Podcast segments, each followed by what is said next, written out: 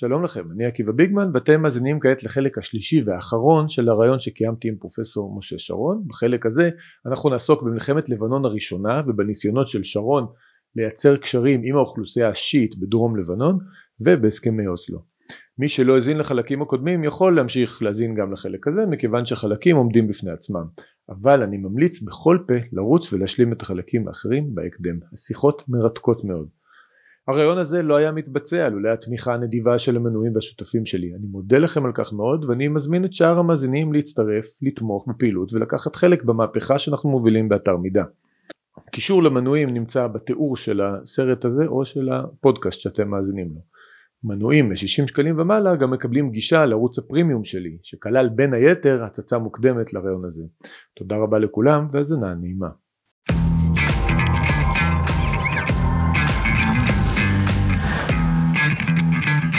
82 הוזמנתי ליפן לתת סדרה של הרצאות. נסענו אני ואשתי ליפן. אשתי הייתה איתי שבועיים, אני הייתי שם חודש. ועד אז פרצה מלחמת לבנון. ואני זוכר שהייתי במלון בלבנ... ב... ב... טוקיו, קיבלתי אה, טלפון, שם באים טלפון. פרצה מלחמה בלבנון, בבקשה לחזור הביתה. עניתי מיד, אני לא חוזר שום הביתה, תתחילו את המלחמה בלעדיי, אם יהיה עוד צורך אני כבר, אני מגיע בעוד שבוע או שבועיים, אני לא כל יום נמצא ב, ביפן, בחינם. אז אני נמצא, עכשיו, עכשיו אני לא חוזר בשום אופן, אני אמשיך להיות את תפקידי בטוקיו, אני אנסה להגיע לתקשורת, זה אני אעשה. וכמה כעבור, כעבור שבוע טסתי חזרה ארצה, ישר למדים טראח ללבנון. הייתי אז, הייתי אז אה, אה, סגן אלוף. יותר מאוחר, תקופתו, תקופתו של אה, מוישה לוי, מוישה וחצי, הוא העניק לי דרגת רב סרן, אין לו רב סרן, אלוף משנה. וכך גם גמרתי את צה"ל, אבל יש, אה, סיפור צה"ל הוא סיפור ארוך. אבל מה שחשוב הוא שהגעתי ללבנון, והשתלבתי מיד בפעילות שהייתה שם והתמחיתי בדיוק, במיוחד בשיעים בלבנון. אבל ריחמתי, באמת ריחמתי מאוד על הפלסטינים. מסכנים, אתה יודע, רובם, רובם נשים, ילדים, שהפלנגות קרעו להם את הנשמה. וניסיתי עד כמה שאפשר אז כשהייתי בלבנון לעזור להם עד כמה, ש... עד כמה שיכולתי. בכל מקום זה היה תפקידי, תפקידי שם לא היה מוגדר אבל אני הגדרתי אותו, שיעים, איתם צריך להתעסק. והייתה לי הצעה, אחרי שהכרתי היטב את השיעים הכרתי קרוב מקרוב, מקרוב אותם, ו... ו... יצאתי גם קשר עם מורים באוניברסיטה הלבנונית, קשר מיוחד היה לי עם פרופסור באוניברסיטה הערבית הלבנונית, ו... מטרתי הייתה לנסות לראות כיצד אפשר לשנות את מערכת היחסים בינינו לבין השיעה.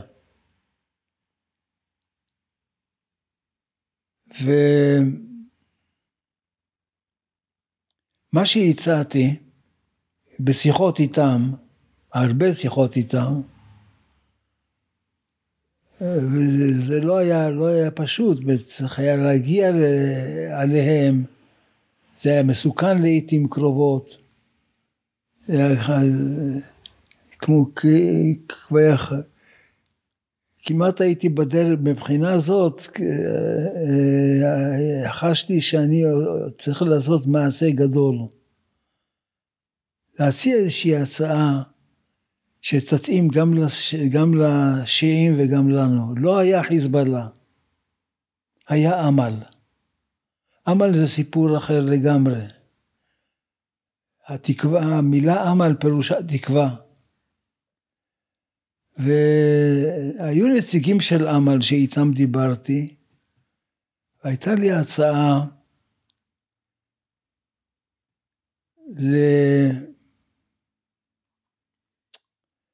להכין תוכנית שבה צה"ל יוצא מלבנון לגמרי ומשאיר בחוץ אגרופים שאם צריך להתערב הוא מתערב. ישראל עוזרת לעמל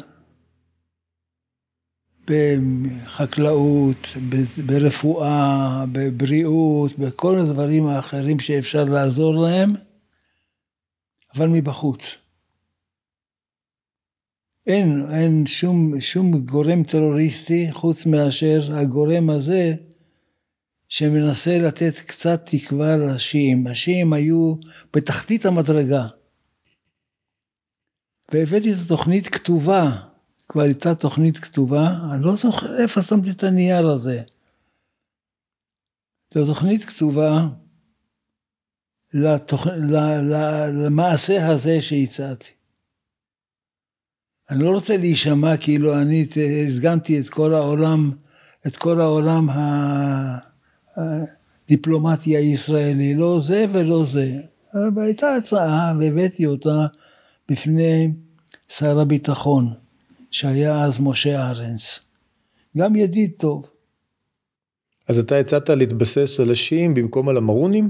המרונים לא, אמרתי להם מלכתחילה, המרונים לא שווים משום דבר, אלה סתם שקרנים. שונאי ישראל ביסודו של דבר, כל הסיפור של המרונים הוא סיפור, הוא סיפור איום, אין, אין לי מילה אחרת.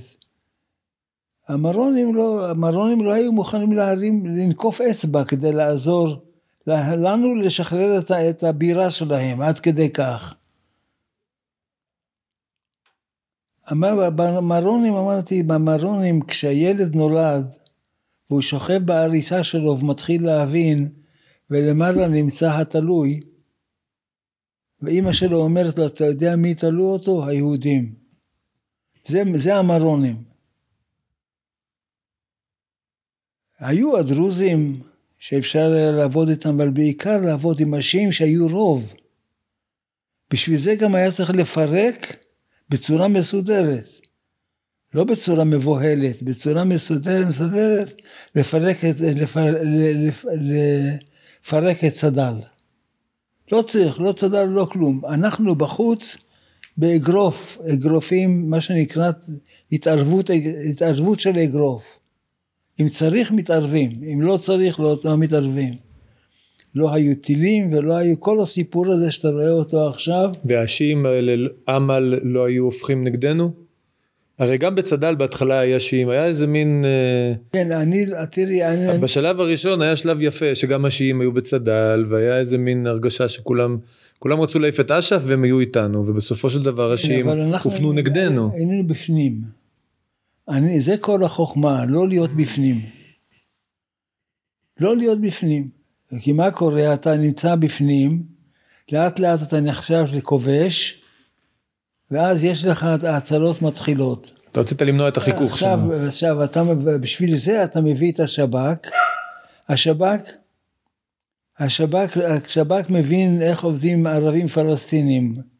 איך עוברים, אבל הוא לא יודע איך עובדים עם שיעים.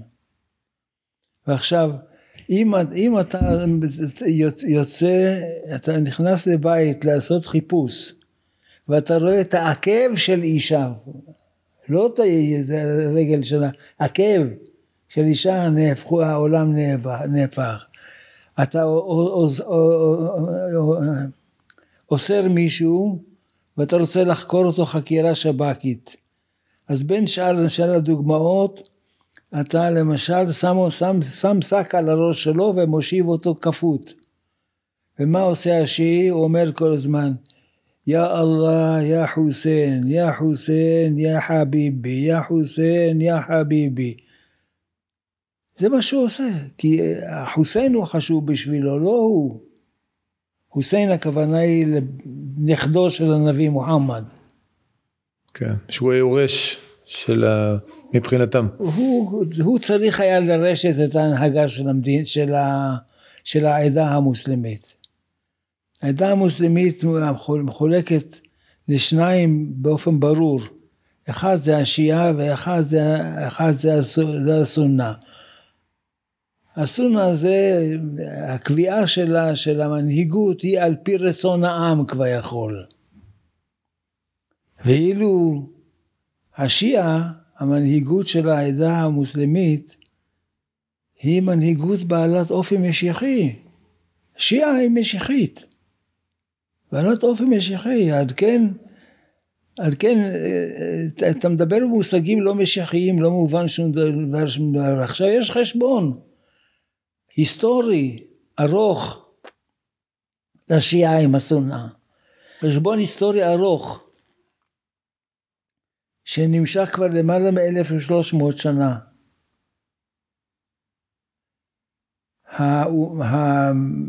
הסונים הרגו את חוסיין. כל שנה בעשרה לחודש מוחרם יוצאים שיעים לרחובות ומלקים את עצמם עד זוב דם. אמהות פוצעות את המצח של התינוקות שלהם.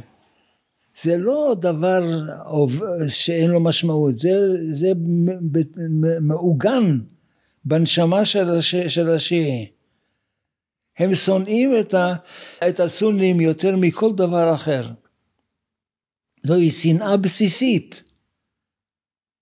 ועל כן הם ישמחו מאוד אם כל הסונים ייעלמו מן העולם ואם לא ידאגו לכך השיעים. אמנם אין להם מספיק כוח בשעה זאת. לאורך כל הדורות הם ניסו.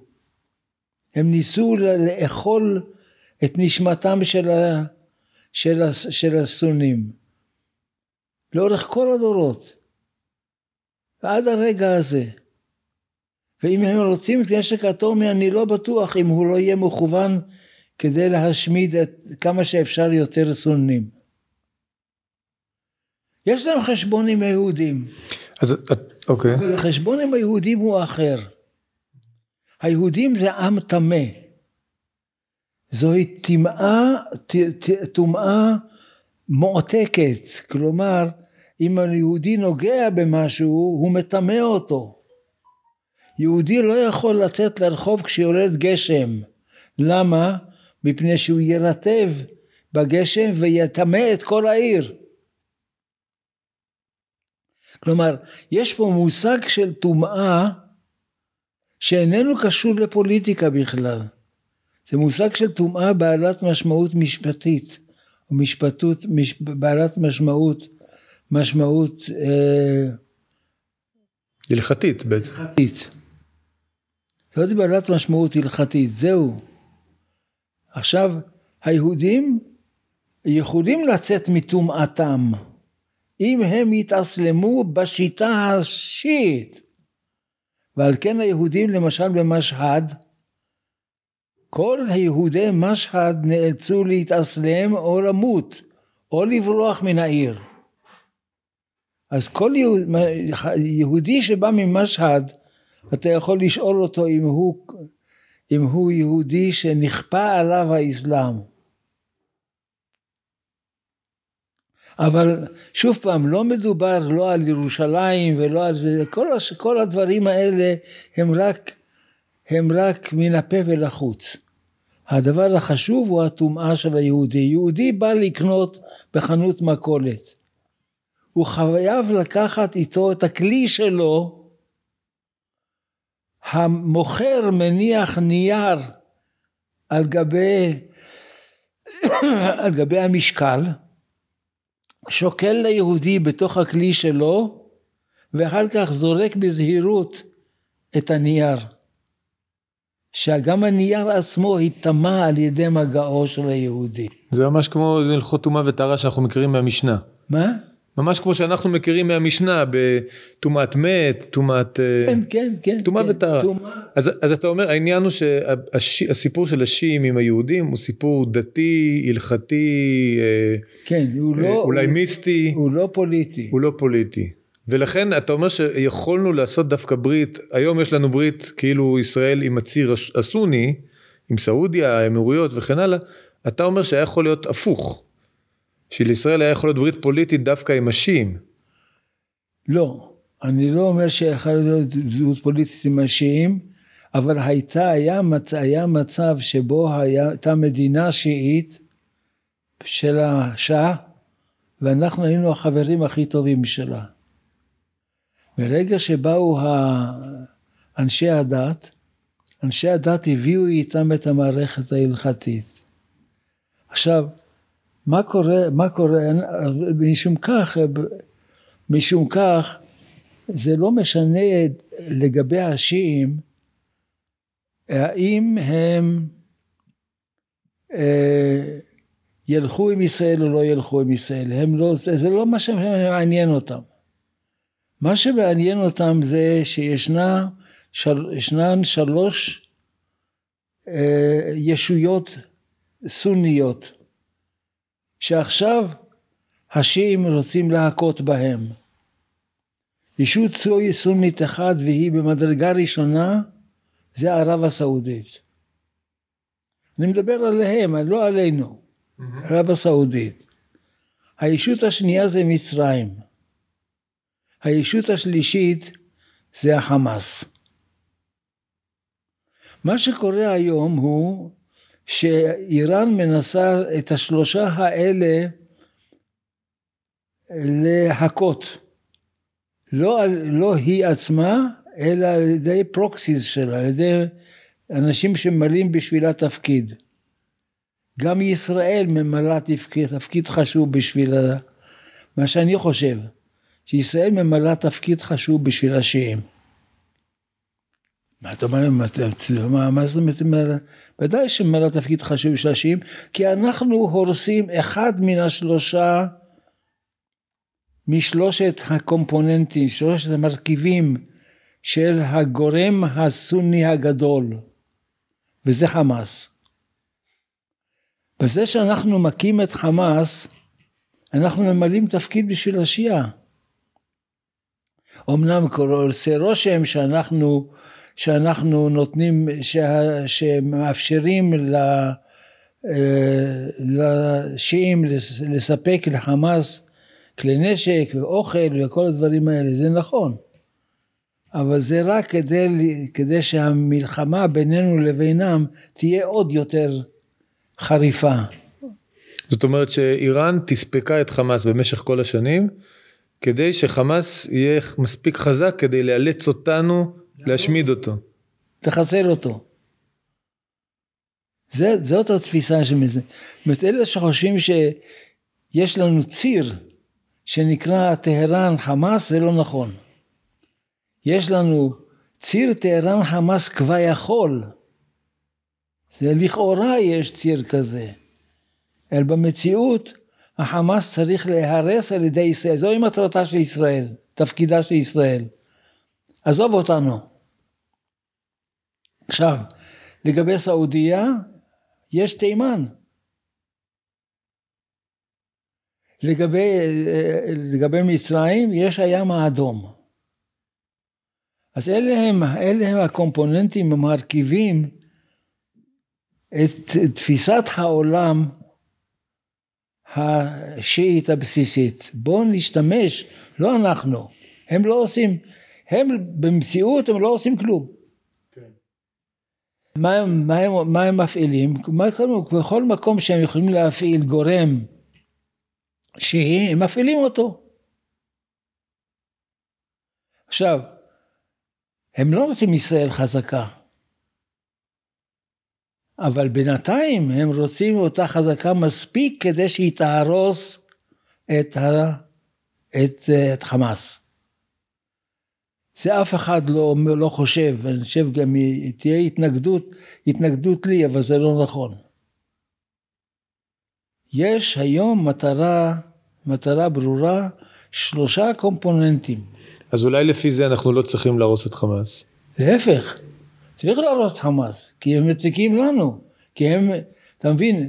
אנחנו לא צריכים לחשוב את החשבונות, מה טוב לאיראנים. בדיוק, אנחנו לא חושבים מה טוב לאיראן, אנחנו חושבים מה טוב לנו. האיראנים נהנים מזה.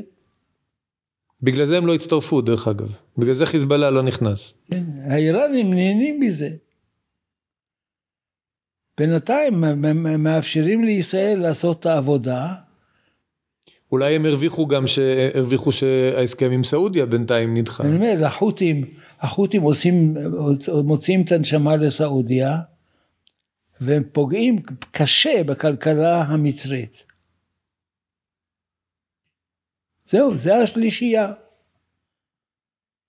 ואם נבין את זה, אז נבין שאנחנו לא יכולים בכלל להפסיק את המלחמה הזאת נגד, נגד, נגד חמאס. זה אי אפשר להפסיק אותה, כי היא מסכנת אותנו, כי חמאס לא פועל לטובתם של השיעים באיראן, הוא פועל נגדנו. זה, משת... זה משרת את המטרות של השיעים. של השיעים האיראנים. והם כמובן, דיבורים יש מספיק. על מילים לא משלמים מכס. כך אומר הפתגם, על מילים לא משלמים מכס. כן. היינו בלבנון ואתה הצעת בעצם אה, ליצור שם ברית עם כן, אמל. אז, כן, אז הייתה, אה, אה, שר הביטחון כינס ישיבה חשובה אני לא אומר מי היה שם. בישיבה הזאת הייתה התנגדות טוטאלית לתוכנית שלי. למה? כי אנחנו עובדים עם הנוצרים. כי הנוצרים הם בני ברית שלנו, וזה לא נכון. זו הייתה אקסיומה של המערכת. זו הייתה אקסיומה. על הבסיס הזה אנחנו לא יכולים לעשות שום דבר כדי לפגוע בנוצרים. התוצאה היא שראית מה שקורה, יהיה לך קם, קם אדם בבוקר ואומר אנחנו מפנים את לבנון בלי הסכם, בלי הסדר, בלי שום דבר, בורחים ומשאירים אפילו מחשבים דולקים. אחת הבושות הגדולות ביותר של בתולדות מדינת ישראל. לא הייתה בושה כזאת. זהו, אז זה לא, התוכנית לא עבדה, אבל זה נגמר הסיפור. הרבה דברים יפים. יכול, יכולנו להתחיל את הסיפור הזה אפילו חלקית, אבל בדיונים מהסוג הזה, שלא, אין שום סיבה שלא יצלחו, לפחות משהו. אתה אמרת, אני חוזר לקודם, אמרת שהעיקר היה שאנחנו לא נהיה בתוך השטח. לא נהיה בפנים. ולא יהיה חיכוך עם האוכלוסייה, ובגלל שהיינו, אז נוצר, בעצם זה נוצרה עוינות, וזה הפנה את השיעים נגדנו. בדיוק, זה מה שהיה, בדיוק זה. ואני עוד בזמנו של, גם של, אה, גם של אה, הרמטכ"ל, אה, מה שמו, משה לוי, mm-hmm. ולפני זה של זה מכפר, עדשים, איך קוראים לו? רפול. אה, גם רפול וגם משה לוי עמדו על כך שאני אה, אסע ללבנון לפחות פעם בשבוע לעמוד כל הזמן בקשר עם השיעים. והייתי נוסע ללבנון, תכף אספר לך איך. אבל אה,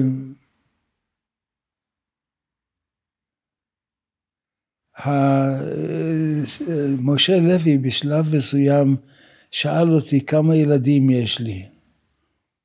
אז אז גופה היה לי חמישה. אומר, חמישה ילדים אתה לא עוזב את הארץ.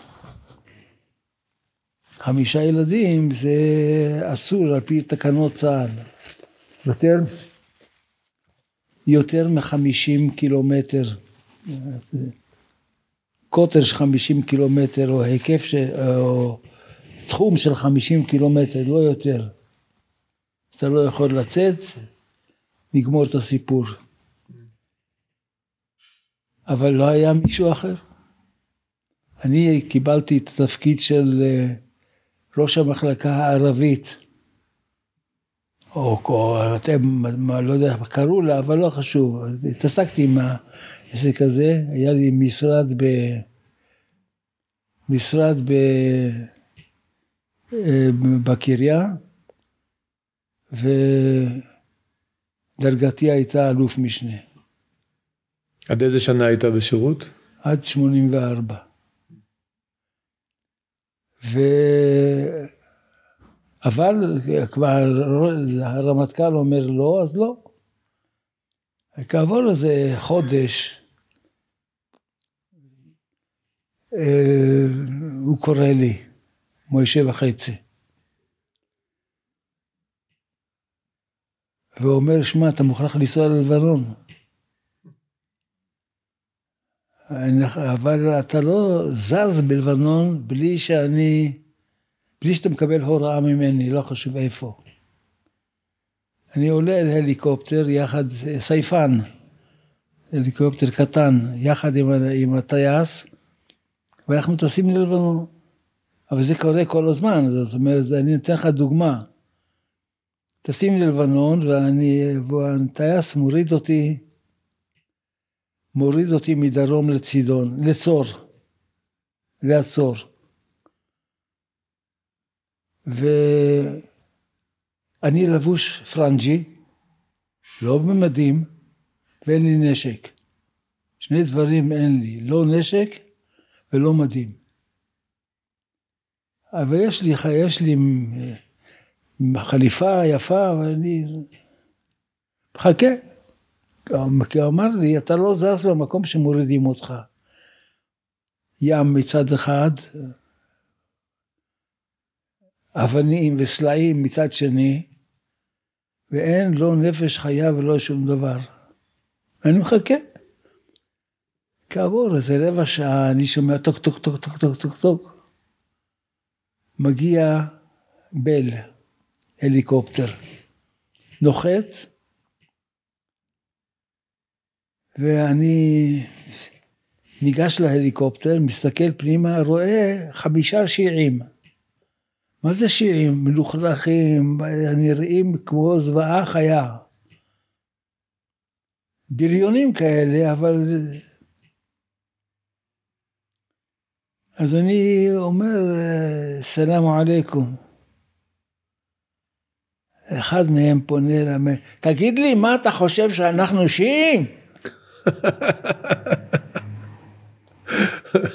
מסתבר שאלה היו חמישה חבר'ה מסיירת מטכ"ל, או אחת הסיירות, אני לא יודע, יכול להיות, לא ידעתי מי. וששלח אותה מוישה וחצי. הוא ידע איפה, מה התוכנית שלי, איזה חלק אני עומד להיות, איזה כפר, או איזה כפרים, או איזה עיירות. ואני אומר, לא, אני לא, חשבתי, חשבתי, הייתי בטוח שאתם שיעים. אה, מכל מקום, אז הבחור הזה אומר לי, תשמע, אנחנו קיבלנו הוראה לשמור עליך. אתה לא מכיר אותנו, אתה לא יודע מי אנחנו, בכלל. אנחנו נהיה בכל מיני מקומות שאתה תהיה בהם. אנחנו נימצא שם. המכונית שלנו, שאנחנו ניסע בה, זאת תהיה מכונית עם מספר לוח, לוחית אה, גרמנית. עם, עם מספר גרמני. ואתה תעשה מה שאתה צריך לעשות, אתה לא מכיר אותנו, לא יודע מי אנחנו. אני הייתי, בדרך כלל כשהגעתי ללבנון, הייתי ישן בביתו של פרופסור עדנאן חסן, שהיה פרופסור באוניברסיטה הלבנונית הערבית של, של לבנון. ועדן חסן הייתי ישן אצלו בבית, בלי שום פחד. הוא גירש אשתו מחדר השינה, ושאנחנו שנינו היינו ישנים בחדר. אשתו, אשתו הייתה, היא, היא הייתה ממונה על האוכל, והוא היה ממונה על השינה. הוא שאל אותי מה אני יכול לאכול, אמרתי לו סולטן אברהים. אתה יודע מה זה סולטן אברהים? לא. זה דג שיש לו צבע כדג קטן, עם צבע, עם, עם, עם הגוף שלו יש לו צבע ורוד כזה. לא חשוב. אה, אה, אז זה, זה היינו אוכלים סולטן אברהים.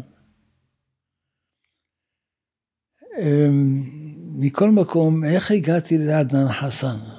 זה סיפור מעניין. אני יושב לי בצידון, יש לי משרד בצידון, יחידה קטנה, מתעסקים כל הזמן בשושויים, מחפשים כל מיני דברים. ויום אחד, לא הרבה זמן אחרי שהגעתי לצידון, חזרתי, חזרנו מ... מיפן, אני, מזכירה שלי באה ואומרת, תשמע, יש פה איזה ערבי קטן מחפש אותך. ערבי קטן מחפש אותי, מי זה ערבי קטן שמחפש אותי? אני במדים, יורד למטה לשער, יורד למטה לשער, ורואה באמת ערבי קטן שמחפש אותי. אוקיי, okay, אז העיקר, אני ניגש אליו, ואז הוא בצרפתית אומר לי, אסקבוזט לפרופסור שרון. האם אתה פרופסור? זה בצרפתית.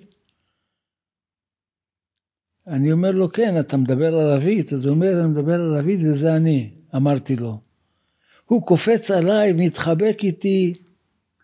אומר, קוראים לי עדנאן חסן, אני פרופסור באוניברסיטה של ביירות, של לבנון הערבית, ואני שמח מאוד שנפגשנו. אמרתי איך אתה יודע שאני פה? איך מכל העולם כולו אתה יודע שאני אהיה פה בצידון, אה, מכל, מכל צהר.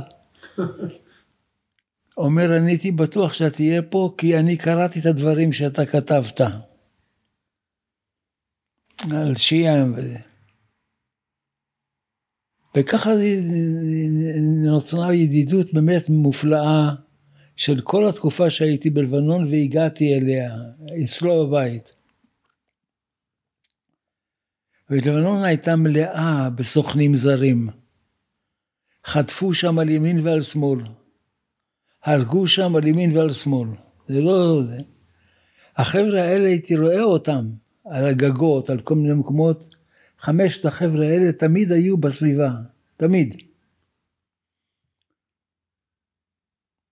ואז יום אחד אני צריך לנסוע מהבית של עדנאן חסן שישנתי שם, לנסוע דרומה לאחד מהכפרים שם, חושב שנקרא ג'יה. ואני נוסע באוטו שלו, כי עדנאן חסן העמיד לרשותי את הוולבו שלו. וולבו אדום של עדנאן חסן, שבאותו הייתי נוסע מספר לבנוני. לא הוא איתי, כמובן, רק אני לבד. כן. וככה יום אחד יצאתי, ובדרך כלל, כשהייתי יוצא מהבית שלו, חמשת החבר'ה האלה היו יוצאים אחריי מיד. עם האוטו שלהם, אוטו לבן, מרצדס לבן, אני זוכר את זה, עם מספר גרמני. לא יודע איך הם מסתדרים החבר'ה עם הדברים האלה, איך הם עושים את זה אני לא יודע. מכל מקום, ואני רואה שהם לא מאחריי. במקום זה מאחוריי יושבת, יושבת לי על הזנב מכונית מרצדס צהובה. ואני רואה שני בעלי ספמים יושבים בה. אוי ואבוי. כבר עשיתי את החשבון.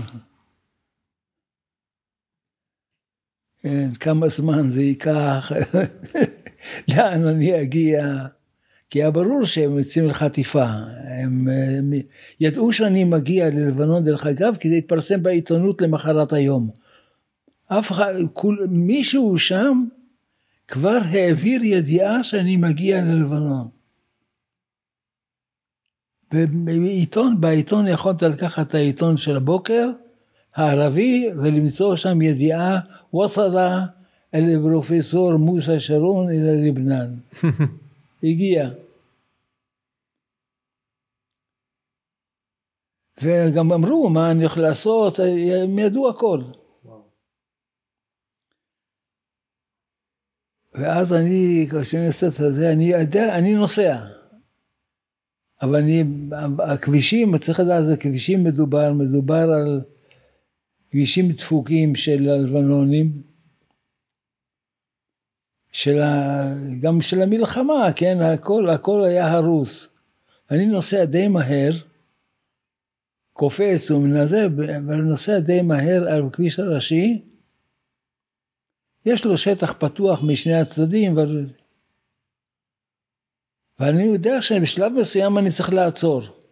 זה לא יעזור כלום, אני אצטרך לעצור בנקודה מסוימת. ואכן אני עוצר. ואני מסתכל בראי ואני רואה דבר אשר לא יתואר. מכונית לבנה עם מספר גרמני נכנסת עם, הש... עם, ה... עם, ה... עם, ה... עם החזית שלה, עם, ה... עם האף שלה, נכנסת ביני לבין המכונית הצהובה, נדחקת פנימה, שני חבר'ה משם, לא יודע איך הם יוצאים, חוטפים את שני, שני המסופמים, באיומים של אקדח מכניסים אותם למכונית שלהם, שני החבר'ה נכנסים למכונית הצהובה, כולם נוסעים והכל טוב ויפה. וואו. כן, כן. אבל זה, היו המון מקרים של, של, של ממש חשש, תמיד, תמיד צריך להיות, חשבתי שצריך לחשוש, חששנו, אבל הייתי צריך להגיע, והגעתי. הגעתי, הגעתי, באתי, חזרתי, דיווחתי, חזרתי, דיווחתי, חזרתי, דיווחתי. וואו. על מה שנעשה, אבל לצערי מזה לא יצא שום דבר, כי היו כמה אנשים יותר חזקים ממני, הרבה יותר חזקים ממני, שהשתלטו על כל המשא ומתן עם הלבנונים במשך שנים. ו... מכרו כל הזמן את הסיפור הזה של, ה, של הנוצרים. ואחד מגדולי התומכים של, המח, של הגישה הנוצרית, אף על פי שדיברתי איתו על כך, היה פואד, בנימין בן אליעזר. הוא היה מכור על הנוצרים, לא, לא שום דבר. הנוצרים דרך אגב היו, נפגשתי גם איתם כמובן, נפגשתי עם כולם, גם הנוצרים, ויש יש אפילו חברים, יש לי אפילו חברים נוצרים שהיגרו לארצות הברית ואחרי כן, אחרי כמה, כמה זמן נעלמו, נעלמו ממני, אבל היו, היו בקשר איתי במשך די הרבה זמן. נוצרים, כן, הפלנגות. כן. זהו, זה הסיפור. וואו, מדהים. מדהים. ואז אתה בעצם עוזב את הצבא. מה?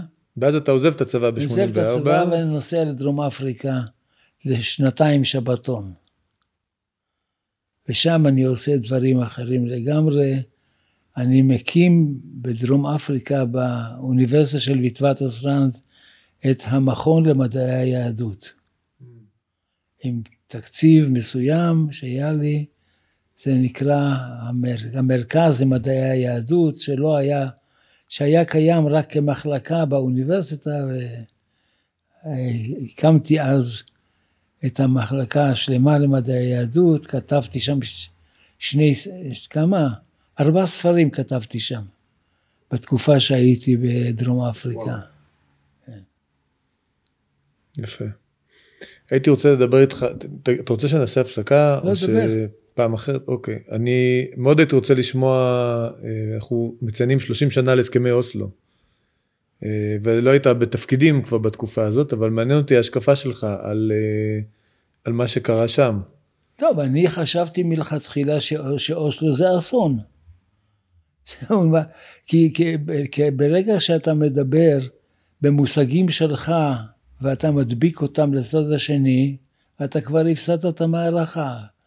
כי מה, מה זה אוסלו? אוסלו החליטו שעושים שלום עכשיו. עושים שלום עכשיו, ואי לכך מוכנים לשלם, בשביל השלום הזה מוכנים לשלם קודם כל בקרקע, מפני שחושבים שאם אתה נותן קרקע לערבים, הם יהיו חברים שלך, ואז הכל טוב ויפה, יהיה שלום מישראל. ואז ביום שחתמו על אוסלו והגיע ערפאת, אז קודם כל הביאו את ערפאת, אני זוכר אותו מלבנון, איך גירשנו אותו. ואני הייתי, הייתי ב, ב, ב, במשרדים שלו בלבנון. אז אה, מביאים את ערפאת, נותנים לו לגיטימציה, ואחרי כן גם מבטיחים לו קרקע, נותנים, נותנים לו קרקע, וכל זה תמורת כלום. כי הוא לא מוכן להתחייב לשום דבר, ממשיך לדבר בשנאת ישראל, מופיע, ב, מופיע ביוהנסבורג ומזכיר שבעצם כל מה שהוא מדבר, כל מה שהוא עשה עם הישראלים או עם האמריקאים זה כמו חודייביה, זה הסכם שמוחמד עשה עם שבט קורייש בשעתו ובהסכם הזה בהסכם הזה, הוא, זה היה הסכם חד, הסכם לזמן מסוים. זאת אומרת, הסכם, הסכם לשנתיים, לשלוש, לארבע או לחמש, כמה שמחליטים ולא מוכרחים לקיים את ההסכם הזה. ואכן הוא לא קיים אותו. ברגע שהוא בא הנה, הביא איתו, הוא הגריב פנימה מחבל וכלי נשק. אז ברגע שיש לך דבר כזה, אתה מבטל מיד את הסכמי אוסלו ושולח אותו לעזאזל. זה מה שצריך היה לעשות. ובמקום זה, במקום זה אתה עכשיו עומד, עומד ונלחם נגד האנשים. לא רק שאתה הבאת אותו לארץ, לא רק שהבאת את האנשים שלו איתו, גם נתת להם נשק וגם נתת להם תחמושת. איזה מין דבר זה? בלי, כי הכל מבוסס על על אמונה שאנחנו יכולים להשליך אותה מאיתנו עליהם. זאת אומרת, זאת אומרת, הפלסטינים יעשו מה שאנחנו רוצים שהם, מה שאנחנו רוצים שהם יעשו, וכמובן שהם לא עשו את מה שאנחנו רוצים, אלא עשו את מה שהם רוצים. זה אוסלו. ואני מתפלא שעד היום הזה, עם כל ההרוגים שלנו ועם כל, עם כל ההפסדים שלנו, לא, לא הגענו למסקנה שצריך להפסיק את הסכמי אוסלו. צריך, אין, אין הסכמים, אין על מה... הטענה, הטענה הייתה שחמאס הוא הגורם הקיצוני, האסלאמיסטי, האחים המוסלמים, ואנחנו צריכים למצוא גורם אה, חילוני, מתון, שאנחנו יכולים לעבוד איתו, כדי... אה, כדי בעצם שחמאס לא יעלה. זה היה הרעיון שלהם. הרעיון, הרעיון הבסיסי הוא שאת שנאת היהודים אתה לא יכול לבטל על ידי זה שאתה לוקח את אהבתך לעולם ואתה מעביר אותה לצד השני כאילו שהוא אוהב את העולם כולו כולל אתה עצמך. זה בלתי אפשרי והיה עכשיו לא מזמן הייתה, הייתה כתבת, אני לא זוכר מאיזה, מאיזה כתבת, שעברה בין, בין הערבים, ולא היה אחד אשר אמר שהוא לא שונא ישראל. אחד. היא שאלה, אתה, אתה, אתה מוכן לעשות הסכם שיהיה לך שתי מדינות? הוא אומר, מה פתאום? אתה מסכים שיהיו שני עמים? אין עמים, אין עם ישראל. יש דחייה של עם ישראל, של קיומו.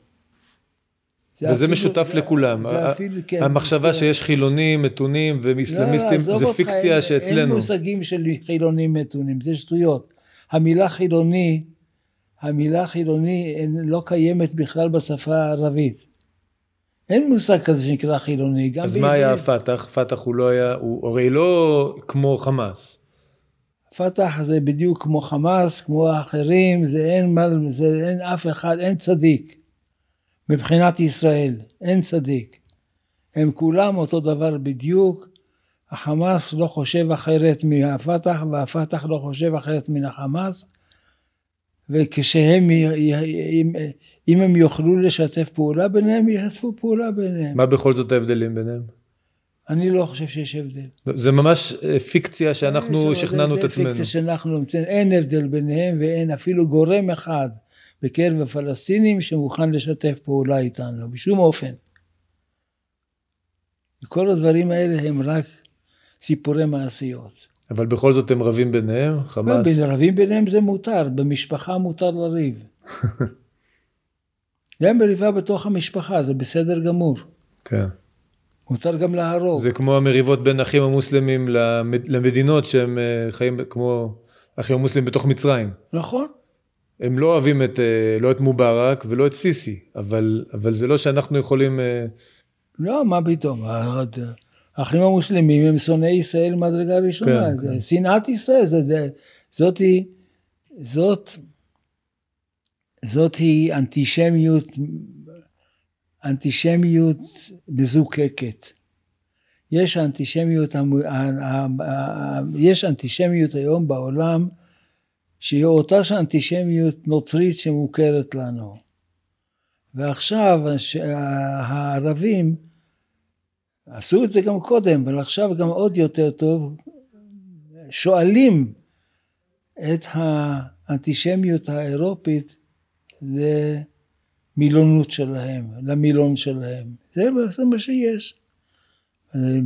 שונאי ישראל מדרגה ראשונה, מה זה? זה יש סיכוי לשלום עם העולם הערבי? אין דבר כזה. המילה שלום, מילה עכשיו והמילה שלום צריך להוציא אותה מהארכ... מהארכיון. להוציא אותם לגמרי מן, ה... מן המילון שלנו. אין, אין דבר כזה. הדברים האלה של מתונים, חילוניים, אין חילוניים בכלל. מה זה חילוניים? המושג הזה לא קיים בכלל. אין אבל אנשים פחות אדוקים? מה? אנשים פחות אדוקים יש לך, יש אפילו שאוכלים חזיר, זה לא משנה בכלל. אבל אין, אין אידיאולוגיה חילונית. המושג הזה של חילוני לא קיים בכלל. אגב, אגב, אצלנו, מה זה חילוני ביהדות? תחשוב לרגע, לנו גם אין חילוני. יש לנו חילון, זאת אומרת, דבר שהיה בקודש ויצא והפך לחול. זה כן, בעיקר, בעיקר בז- בזבחים, כן? אבל... לא, אבל כאן התפתחה במאה ה-19 תפיסה אתאיסטית, תפיסה הומניסטית. כן, זה בסדר, יש לנו את זה עד היום. אבל אצלם, אצלם אתה אומר אין דבר כזה, יש מה שאצלנו אולי קוראים מסורתיים או משהו כזה, כלומר יש אנשים שפחות מקפידים על המצוות, אבל הם לא חושבים שהם לא נגד האסלאם או משהו כזה, זאת אומרת הם לא, הם לא כמו שיש חילונים אה, אצלנו בקיבוצים למשל, או חילונים אידיאולוגיים שהם אה, השילו לא, מעליהם. אצלנו, אצלנו, את זה, כל ה- אצלנו זה סיפור אחר. אצלנו האידיאולוגיה שאנחנו קוראים לה אידיאולוגיה חילונית, היא חלק מתוך התפיסה המערבית שלנו. אנחנו חלק מתרבות המערב. חלק מהתרבות המערב שהיא גם נוצרית.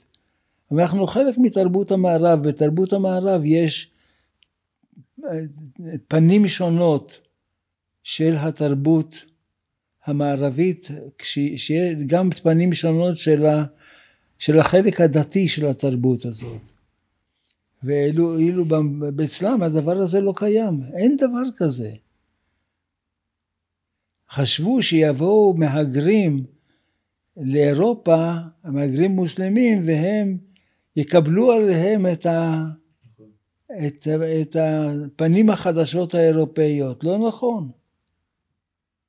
להפך, הם יגידו, אנחנו רוצים לכבוש את אירופה. ובאמת אירופה נמצאת בסכנה גדולה מאוד.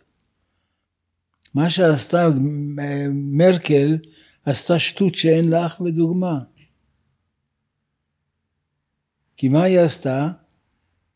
היא פתחה את הגבולות שלה למהגרים מוסלמים בלי, בלי, בלי אה, שום פיקוח. כן.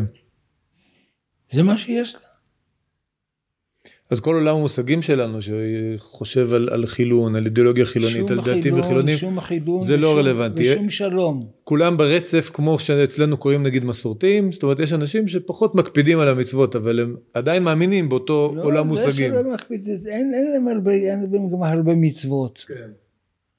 כל התפילה שלהם זה חמש דקות ביום, חמש דקות, חמש דקות, חמש דקות, חמש דקות, חמש עשרה דקות, דקות. הם לא מחזיקים לך סידור תפילה כמו שאנחנו, שאתה קורא ספר שלם לתפילת, לתפילת שחרית. זאת אומרת אין לזה כל כך משמעות גם ביום יום. אין, אז, אה, כן. כן. וחוץ מזה גם לא, המשמעות שישנה אצלנו, לצערנו, כן?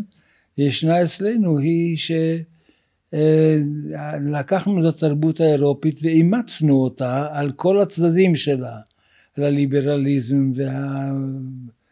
והסוציאליזם וכל האיזמים האלה השונים. אז תגיד משהו בכל זאת אולי אופטימי לעתיד? אין לי, אין לי דברים אופטימיים, אני אומר לך שום, זה הדבר האופטימי שיש להגיד לך, או שנחיה על חרבנו או שנמות בחרבם. זה פשוט מאוד, זה חד וחלק. וכל הסיפור הזה, גם עם סעודיה וגם עם המפרציות והכל, אתה לא יודע מה הסיבה של זה. יש איזו סיבה מסוימת, זה לא שפתאום הפכו לאוהבי ישראל. אלא ישנם האמריקאים וישנם ישנם השיעים שנופחים להם בצוואר. כן. ואמרתי לך, דיברנו על השיעה הרבה. אז אתה אומר אסור לשכוח שגם גם אם יש מצבים של בריתות מסוימות אסור לנו אף פעם לשכוח שבעצם אה, זה לא משנה את המהות. כמו הסכם לא, השלום במצרים שלא שינה שום לא דבר. משנה שום הר. מהותי. המצ... איך אמר לי פעם, אני פעם שוחחתי עם שר הפנים הירדני, שהיה תלמיד שלי ב- בלונדון.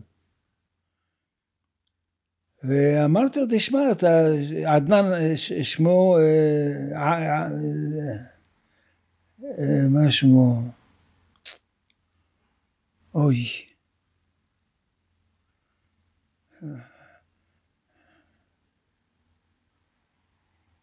בכל מקום. הוא, הוא היה, הוא אני עזרתי לו בלונדון לכתוב את הדוקטורט. והוא גמר, נסע ל, ל, לירדן. אה, שמו עווד חליפת. משבט שנקרא חליפת, עווד חליפת. ואני מרים אליו, אחרי שנעשה השלום עם ירדן, אני מרים אליו טלפון. הוא כבר אז לא היה שר הפנים, אבל בד... לפני זה הוא היה שר הפנים. אז אני אומר לו, עווד, יאללה בוא, תבוא, תתן הרצאה אצלנו באוניברסיטה העברית, אני מזמין אותך, תיתן הרצאה על הדוקטורט שלך, זה דוקטורט מעניין. ועווד אומר לי, לא, אני לא יכול לבוא. למה אתה לא יכול לבוא? מה, יש שלום? הוא אומר, לא, לא, זה שלום בין מדינות, זה לא שלום בין עמים. זה המילים שלו. هذا سلام بين دول مش سلام بين شعوب זה שלו. אומר לך אדם אינטליגנטי. שר הפנים זה האיש בעל הכוח הגבוה, הגדול ביותר שיכול להיות.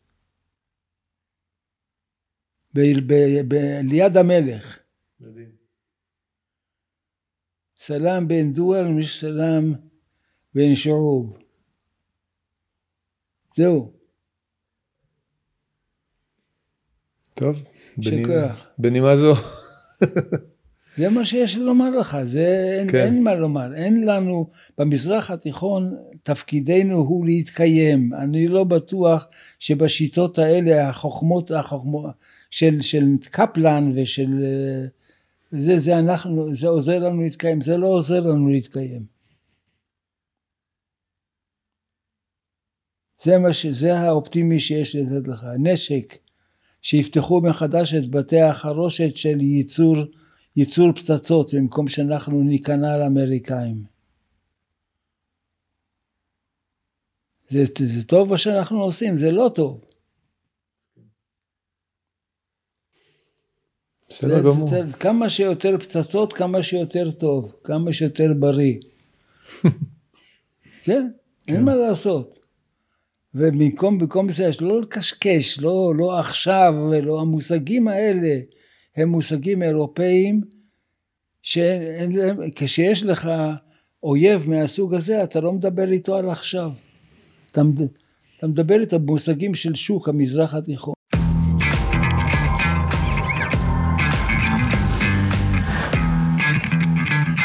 האזנתם כעת לחלק השלישי והאחרון של הרעיון שקיימתי עם פרופסור משה שרון.